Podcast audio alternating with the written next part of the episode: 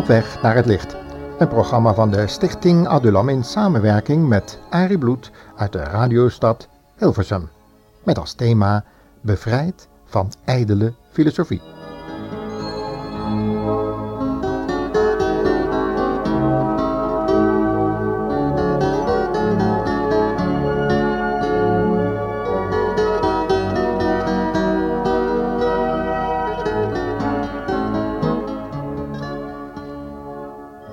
In ons vorige programma hebben we vanuit 1 Korinthe 2 vers 12 Arie Bloed aan het woord gelaten om te wijzen op de gevaren van de filosofie, niet alleen in de dagen van de Corinthiërs, daar op de Areopagus, waar de filosofen van die tijd hun redenaarstalenten lieten horen, maar ook voor de gevaren van de filosofie in deze tijd, en met name met het oog op de christelijke gemeente.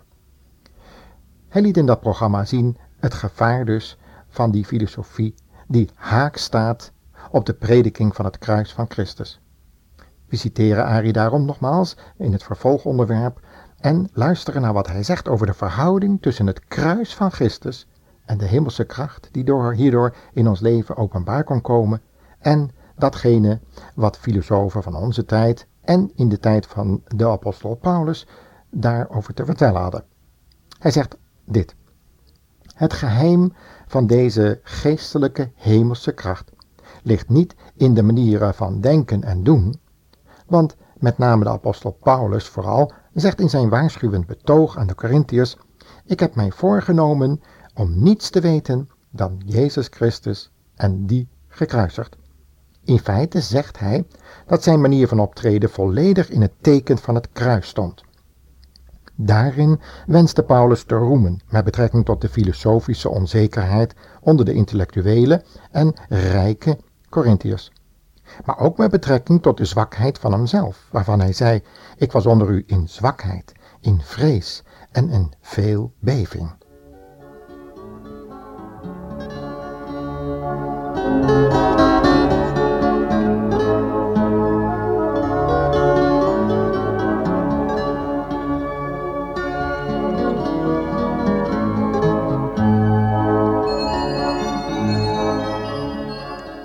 Voor Paulus betekende zijn in de ogen van de Corinthiërs zwakke optreden echter de gemeenschap met het kruis van Christus. Zo ontstaat namelijk de afscheiding van al wat vleeselijk is. Het vleeselijk verstand gekruisigd en de eigen wil afgesneden. Paulus' roem was dan ook alleen in het kruis van Christus.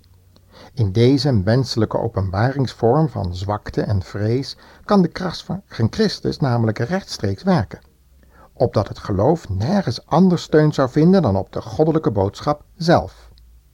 Daarin werkt immers Gods wijsheid en kracht, en daar gaat het om. En zo alleen wordt de gelovige opgebouwd in Christus, door de kracht van Gods geest. Tot zover Arie Bloed, die we zo dadelijk verder zullen citeren over dit onderwerp uit 1 Korinthe 2, vers 12, waarin hij dan verder gaat met te vertellen hoe die antithese met de huidige filosofie en het kruis in elkaar zit.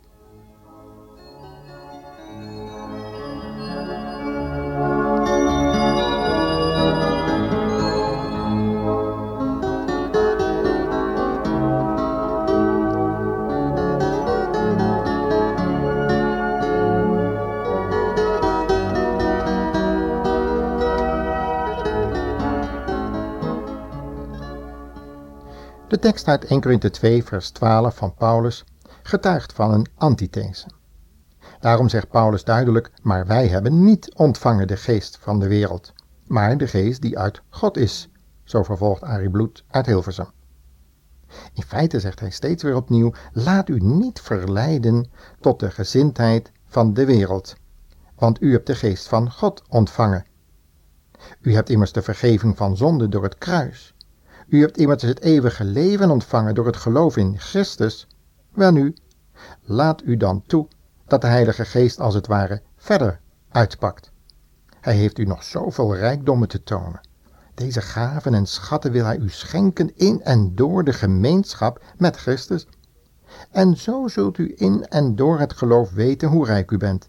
Daarom moeten wij christenen, dus Arie Bloed ook, op een ander niveau zijn dan het niveau van de wereld. niet het tastbare, niet het zichtbare, niet de gezindheid van deze wereld en ook niet de wijsheid en de kracht van het menselijk niveau. En wat het religieuze aspect van dit menselijke en filosofische denken betreft, ook niet het niveau van het oude verbond, de wet van Mozes, met zijn beperkte gerechtigheid, met de positie van slaaf. Nee, wij zijn als nieuwtestamentische gelovigen die onze positie in Christus hebben. En we zijn op een heel ander terrein gebracht. We zijn als christenen op de hoogte gesteld van de heilsfeiten. Wij zijn Gods gerechtigheid geworden.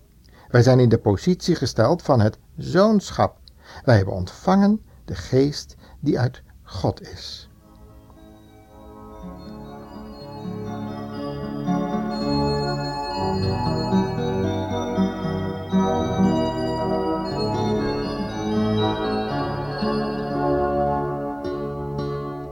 En wanneer we Paulus in zijn verkondiging en onderwijzing dan verder willen volgen, blijkt dat er nog veel meer heerlijke dingen te leren zijn. Hij zegt namelijk ten eerste dat we begenadigd zijn, geliefden. Dat houdt in dat we, en dat is dan ten tweede, van Christus zijn. En ten derde, zijn maaksel. Ten vierde dat we uitverkorenen van God zijn. En ten vijfde verzegeld tot de volle erfenis komt. Kortom, we zijn met betrekking tot onze nieuwe afkomst uit God. Dus nog even op een rijtje. Van een christen kan gezegd worden: U bent begenadigd en geliefd. U bent van Christus, zijn gelijkenis. U bent zijn maaksel. U bent uitverkorenen van God. U bent verzegeld tot de volle erfenis. U bent uit God. Naast deze wettelijke grondslag is er nog de zogenaamde bevindelijke kant. Dat betekent dat Gods liefde in ons hart is uitgestort dat Gods vrede onze harten en zinnen zal bewaren. En dat Gods wijsheid en kracht openbaar kan komen in onze onwetendheid en zwakte. En dat is die schat waarover Paulus sprak die we in broos aardewerk hebben ontvangen. Wat is dat heerlijk, maar hoe weinig staan we daarbij als christen stil, wat we geworden zijn in Christus.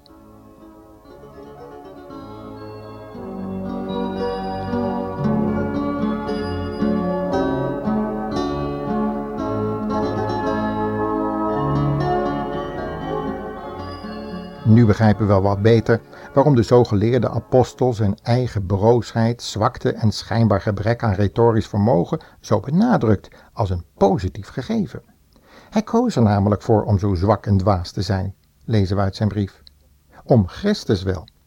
Zo komt Gods heerlijkheid immers tot zijn volste recht. Luister, wanneer we de tegenstellingen bedenken die Paulus schept tussen wijsheid van de wereld en ook de geest van de wereld en de eeuwige wijsheid van de geest van God, komen we dan niet tot de enige juiste conclusie, dat wij ons behoren te laten beheersen door het kruis van Christus. Vertaal Gods liefde dus niet naar de liefde van de natuurlijke mens, want die rust op omstandigheden. Die wisselt immers steeds, zoals de golfslag van de zee. Maar goddelijke liefde is constant, gaat altijd eenzijdig van God uit. Die is onvoorwaardelijk en geldt iedereen. Dat betekent concreet vriend en vijand. Want tussen goddelijke liefde en menselijke liefde, daar staat het kruis tussen.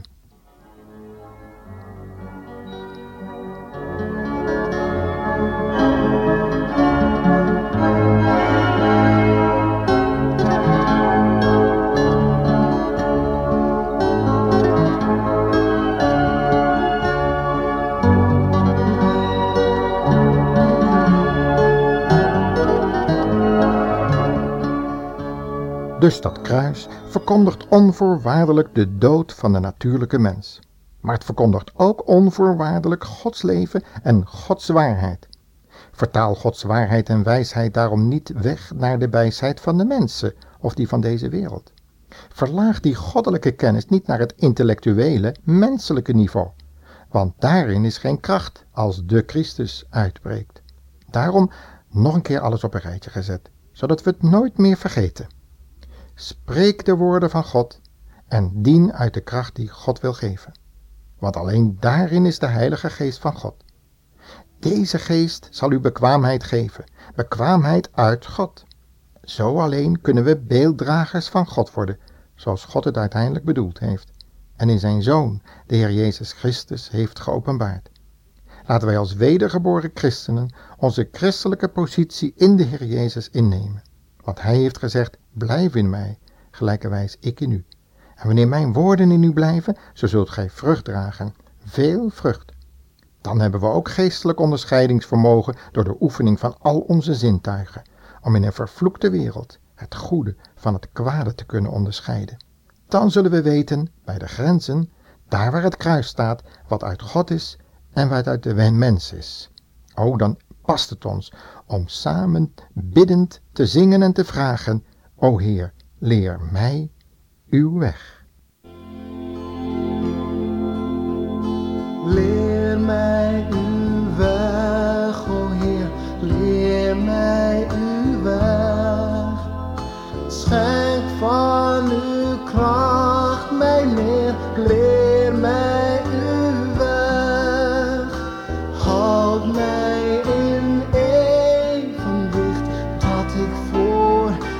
Aangezicht wandel in het volle licht. Leer mij uw weg. Als vrees mijn hart benauwd, leer mij uw weg. Als zorg mijn dank